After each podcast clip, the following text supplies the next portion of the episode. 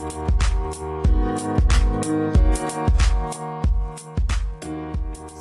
er det jul, og vi kan se frem til å nyte lange frokoster, brunsjer og lunsjer med stort utvalg og tunge middager, avrunda med julekaker og desserter. Kjøleskapet buler, kakeboksene er velfylt, og matskapet det kneler. Og vi hiver innpå diverse juleknask. Med så mye mat som går inn og ut av kjøleskapet, står lenge frem i romtemperatur og varmes opp flere ganger, for deretter å settes i kjøleskapet og kanskje ha gitt opp å holde riktig temperatur, hva skjer med maten? Ja, for bakterier og muggsopp har kanskje også litt fest i jula. Eh, de kan følge med som med nisser på matlasset. I denne podkasten skal vi snakke med to av våre fremste forskere og eksperter om mattrygghet. Og det er toksikolog Gunnar Sundstøl Eriksen og bakteriolog Gro Skøyen Johannessen.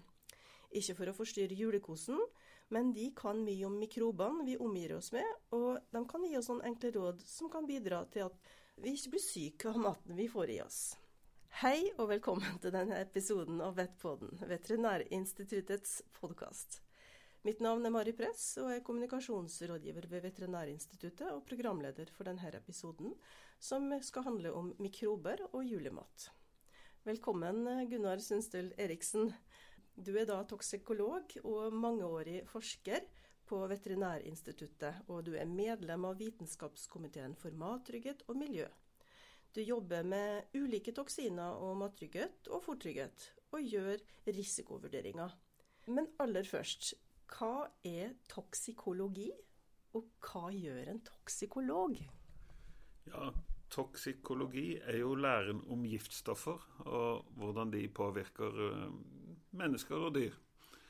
Og en toksikolog driver da og studerer gifter, hva de gjør, hvordan de gjør det, og hvor mye som skal til for at de blir et problem for mennesker, husdyr eller andre organismer.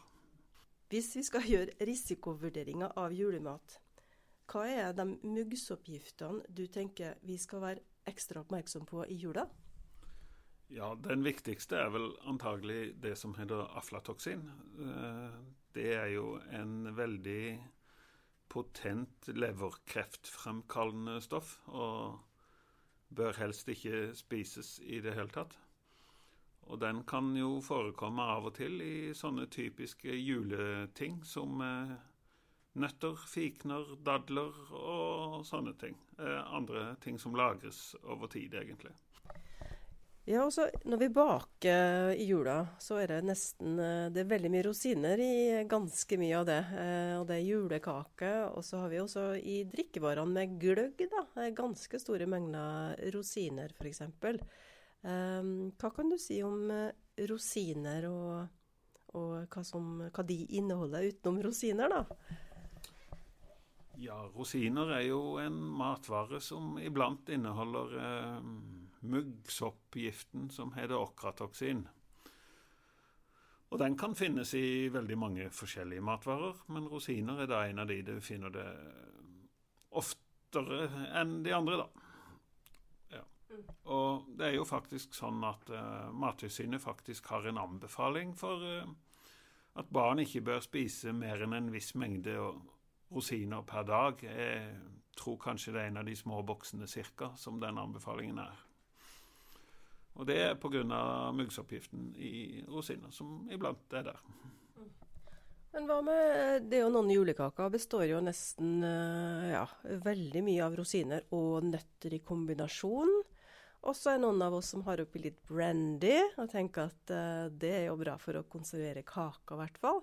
Men uh, kan det også være bra i forhold til å bli kvitt uh, mykotoksiner? Eller ja, hva skjer hvis du putter oppi brandy? Ja, Da tror jeg ikke det skjer noe særlig med de mykotoksinene, eller heller ikke med muggen, med mindre du har veldig mye brandy oppi, og det tror jeg ikke er en realistisk måte å kvitte seg med mugg eller muggifter på, nei. Kan bli litt for livlig på julepartyet da? Ja, da tror jeg det kan bli, gå unna på den julefesten der.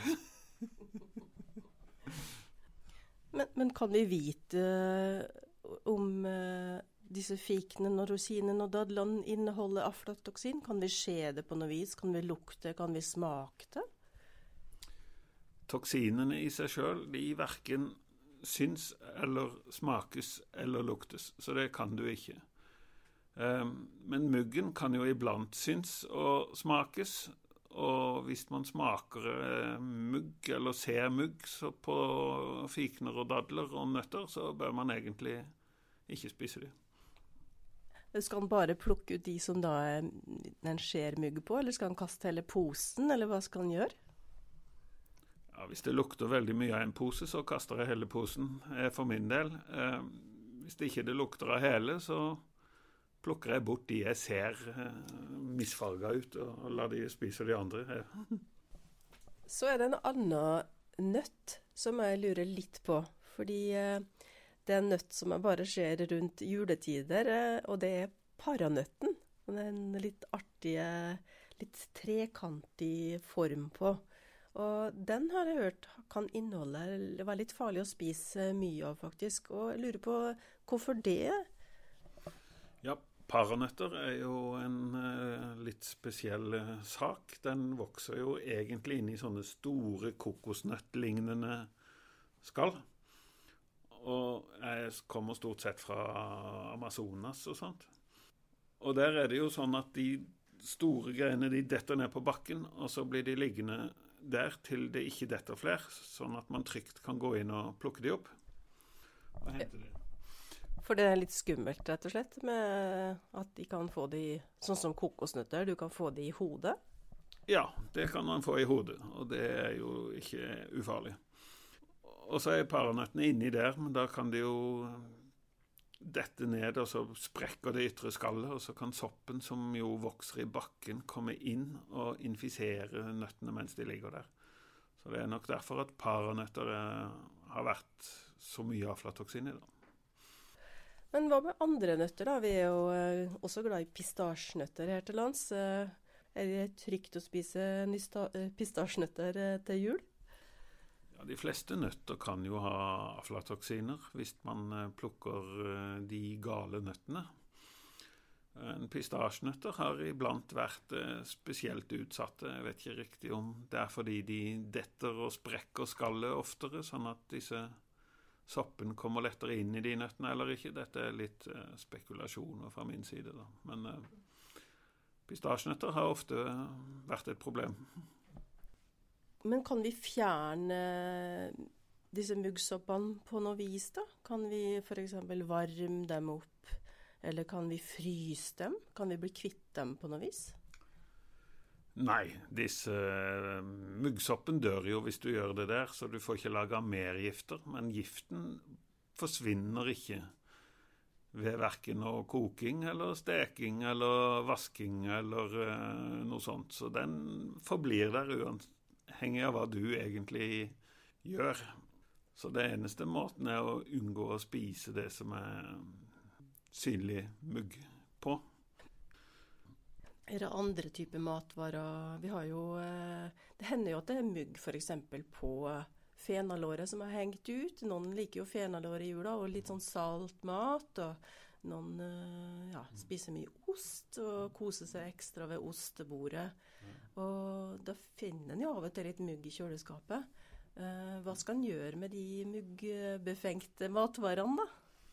Ja, der var det jo mange ting en kunne snakke om i det du sa nå. Men eh, f.eks.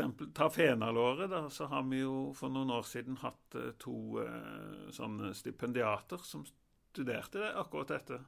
Og De prøvde å dyrke giftproduserende sopp på fenalåret, og soppen vokste fint. men på sånne skinker så klarte ikke soppen å lage gift, så det egentlig var det det, det eneste unntaket der det så ut som det var nok å vaske bort soppen, og så var det greit. Um, mens i de fleste andre matvarer så er det jo sånn at er det sopp, så lager den også gift. da. Og da snakker man ikke nødvendigvis bare om aflatoksin, som vi sa i stad. Eh, den blågrønne muggen som kan dukke opp i et kjøleskap eller i et syltetøyglass f.eks., er jo ofte penicillium.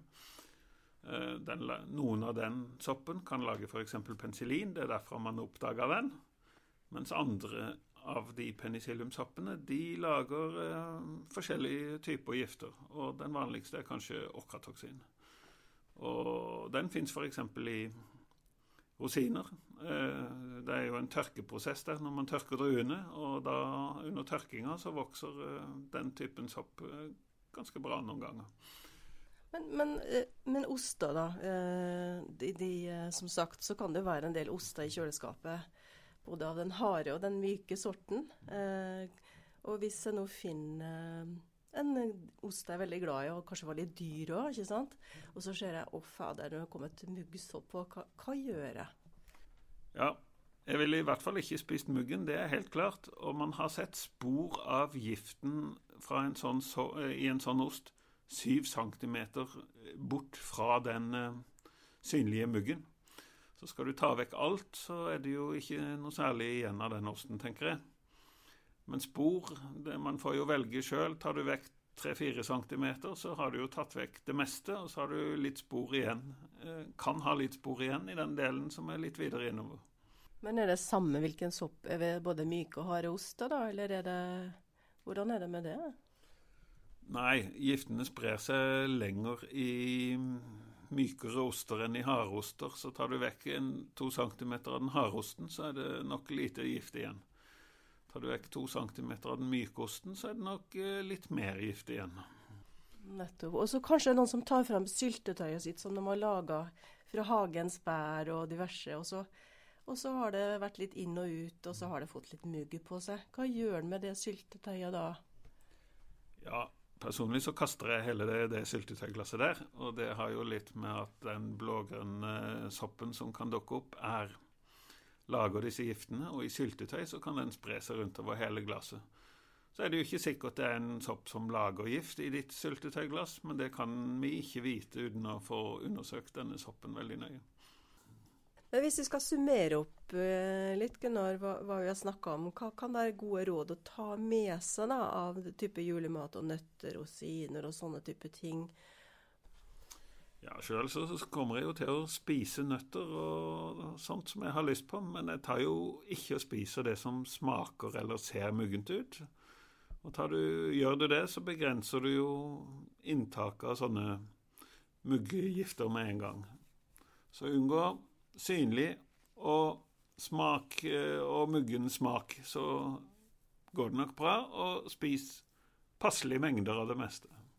For vi skal kose oss i jula, ikke sant? Selvfølgelig skal vi kose oss i jula. Og så er det jo sånn at uh, spiser man mindre resten av året, så lever man jo med litt sånn i jula, da.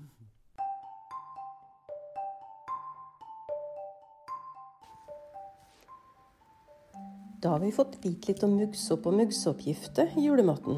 Og nå skal vi bevege oss over til bakterier, og til å få høre mer om hvordan vi bør behandle julematen av en matbakteriolog. Og denne delen den er gjort eh, via telefon.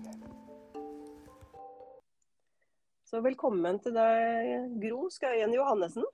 Du er takk, takk. mangeårig Ja, hyggelig å ha deg med her. Eh, du er mangeårig forsker ved Veterinærinstituttet, og du er matbakteriolog.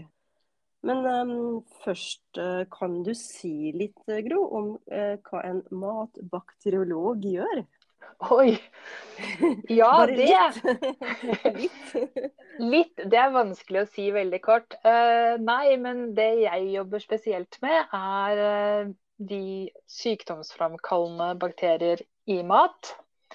Um, og kanskje helt det som jeg jobber kanskje aller mest med, er hvordan vi klarer å finne de og påvise de. Og så jobber jeg en del med bakterier i uh, hva skal jeg si, primærproduksjon, da. Altså eh, når vi dyrker grønnsaker ut på åkeren og sånne ting. Men jeg jobber med mye forskjellig, syns jeg. Veldig ja. spennende. Kan du fortelle litt om eh, bakterier generelt, eh, Gro? Er det riktig at alle bakterier elsker varme, og at de vokser fort i romtemperatur? Mange gjør det. Eh, maten vår er jo ikke bakteriefri. Og det er jo sånn at dessverre så innimellom, ganske sjelden heldigvis, så er det noen eh, sykdomsframkallende bakterier til stede. Og de er ofte eh, glad i varme og kan vokse ganske fort ved mm. Men hva skjer hvis de, du da eh, setter den maten eh, inn i kjøleskapet? Hva skjer med bakteriene da? Da vil de, altså Hvis du holder sånn ca. fire grader, da, så vil de enten så vil de ikke vokse i det hele tatt, eller så vil de vokse mye saktere enn det de ville ha gjort ved en eh, temperatur som de liker mye bedre. Så Derfor er det veldig lurt å holde fire grader i kjøleskapet sitt. Er det noen spesielle risikogrupper du tenker, Gro, som, skal, som en skal ta hensyn til i jula? Ja, det er noen risikogrupper. og Det er jo da små barn, eh, folk med nedsatt immunforsvar, eldre og gravide, som kanskje da er de mest utsatte. da. Og, men så tenker jeg, hva, hva, jeg lurer på hva du tenker som bakteriolog om julematen. da. Eh, klarer du å legge til side den forskeren i det og alt det du kan? Eh, eller er du veldig sånn bevisst på hva som finnes av bakterier i maten? Først og fremst er jeg veldig glad i mat. Og, og, og spiser, spiser, gleder meg over å spise god mat i jula. Um, og så tenker jeg at man skal uh, sørge for å holde kjøkkenhygiene og um, oppbevare maten sin så godt som mulig, sånn at man ikke blir syk av. Det, er jo, det som er viktig, er jo å holde Sørge for at maten blir gjennomvarm, og holde det som skal være varmt, det skal serveres varmt. Og ikke, ikke blande så mye rå mat og ferdigmat. Altså krysskontaminering er veldig viktig. Det å holde temperaturen i kjøleskapet. Altså, det vi kan oppleve i jula, er jo at det blir veldig mye mat i kjøleskapet. Mm. Og da er det viktig at, å være obs på at eh, temperaturen blir lav nok. Og hvis det er ting som f.eks. kan tas ut og som ikke behøver å stå i kjøleskapet, sånn eh, brusflasker og sånne ting, så er det lurt å kanskje oppbevare det et annet sted. Da, sånn at den maten som må stå i kjøleskapet, står i kjøleskapet. Men um, hvis vi snakker litt om uh, typiske matvanene hos folk, da. Og ved julematen er jo Du har kanskje, i hvert fall etter selve julemiddagen, så har du en, kanskje en ribbe eller noe pinnekjøtt. Uh, hva skal du gjøre med den maten etter du, den er ferdig og servert, og det restene ligger igjen? Hva er lurt å gjøre da? Det er jo lurt å få avkjølt det så fort som mulig. Og så få satt det i kjøleskapet og oppbevart det kaldt. Eh, og hvis man skal varme det opp igjen, som man ofte jo gjør, eh, så er det jo da viktig at det er ordentlig gjennomvarmt når det skal serveres i nytt, da, på nytt hvis det skal serveres varmt. Ja, for, for hva, hva, skjer med bakteriene da? da? da altså, når du varmer opp maten, så De aller fleste bakteriene de dør jo når du kommer over en viss temperatur. Mm. Så hva er lurt når du skal tilberede mat, da? Eh, hva skal vi huske på da? Det, det, man må jo, selv om det er jord, så må man fortsatt huske på å holde den, en god kjøkkenhygiene. Og det er jo da viktig at man eh, f.eks. ikke blander eh, rått kjøtt og salat, f.eks. Altså at man bruker forskjellige skjærefjøler vasker kniver mellom, eh, mellom, at man skjærer rått kjøtt og skal begynne å skjære salat. Eh, den type ting. Det er akkurat det samme som gjelder for eh, grillsesongen. Det er viktig å huske på også nå i jula. Vi lager jo mat fra grunnen av, noen av oss. Og noen lager jo f.eks. medisterkaker. Jeg har hørt at noen som smaker på denne rå medisterdeigen. Men, men det er visst ikke så lurt. Hvorfor er ikke det så lurt? Nei, Det er fordi at det kan være sykdomsframkallende bakterier i den rå medisterdeig som vil bli drept når man både steiker og koker de. Eh, så hvis man skal smake på den og kjenne om det er nok salt eller nok, nok krydder, så vil jeg heller eh, ta og lage en liten prøvekake og steike den, og så smake på den isteden. Hva med de lange frokostbordene? Når eh, vi sitter jo gjerne og kanskje har en litt sein frokost, og så blir det går over til lunsj, så det heter vel brunsj, da. Hva tenker du er lurt eh, når vi er ferdig med det, eh, da? Nei, jeg tenker jo at det er lurt å prøve å få ting så fort som mulig inn i kjøleskapet igjen. Og kanskje også underveis i frokosten eller brunsjen fylle på fatene litt oftere istedenfor å sette alt ut med en gang.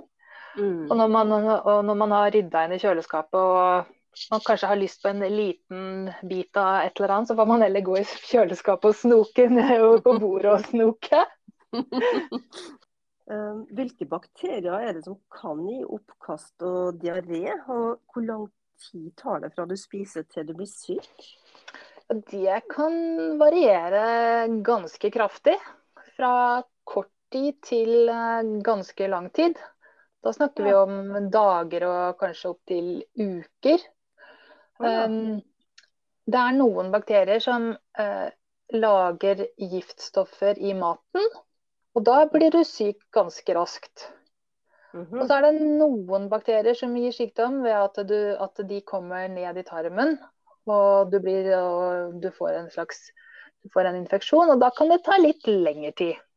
Men hvis vi skal summere litt opp uh, hva som er de beste rådene du har å gi, da, Gro. Uh, hva er det i hvert fall folk skal huske på?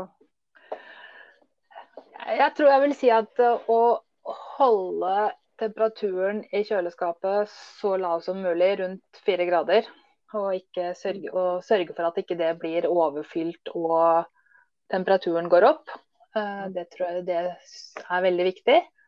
Så er det veldig viktig at ting som varmes opp igjen, blir ordentlig ordentlig gjennomvarmt. Det skal være rykende varmt når det serveres igjen.